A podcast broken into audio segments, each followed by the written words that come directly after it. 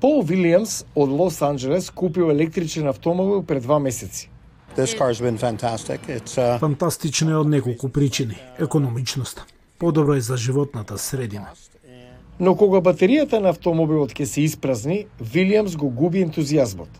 Вели дека полнењето на возилото бара време и трпение. Like this one shows as Оваа working. станица за полнење покажува дека работи, но кога ќе ја приклучите, се заклучува во возилото и не можете да се исклучите. Заглавени сте. So I have this uh, car for about three years almost. Го возам овој автомобил речиси три години. Напојувањето е лесно. Но во последно време е многу тешко. Понекогаш од три, два полначи не работат. Треба да чекате два часа понекогаш.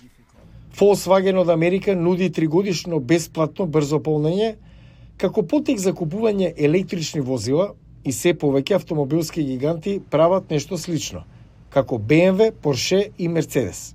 Бидејќи се повеќе луѓе купуваат електрични автомобили, проблемот сега е што државата нема доволно станици за полнење beginning it was nice, a nice car, luxury car. Беше убаво на почетокот, луксузен автомобил две години бесплатно полнење, но проблемот е што на овие станици пишува дека се со капацитет од 150 киловати на час, но всушност се 25 киловати на час. Значи треба да почекам 2 часа за да го наполнам. Да знаев немаше да го купам овој автомобил.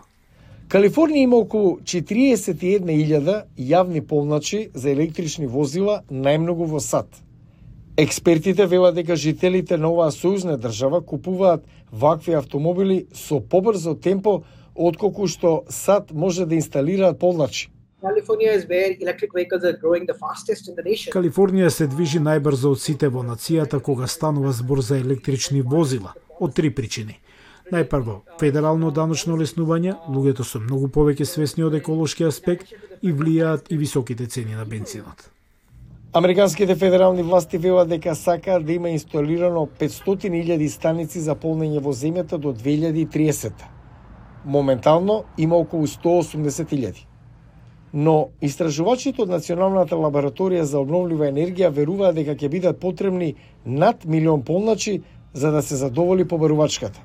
Probably Сега веројатно имаме покриено 25% од побарувачката, може би и помалку. Но работите наскоро би можеле да се подобрат. Кон крајот на 2023 Тесла, соработувајќи со федералната влада, објави дека ќе ги отвори своите станици за полнење за сите електрични возила, а повеќето производители на автомобили најавија дека ќе го прифата стандардот за полнење од Тесла. Тоа ќе создаде повеќе станици достапни за повеќето возачи на електрични возила ширум САД.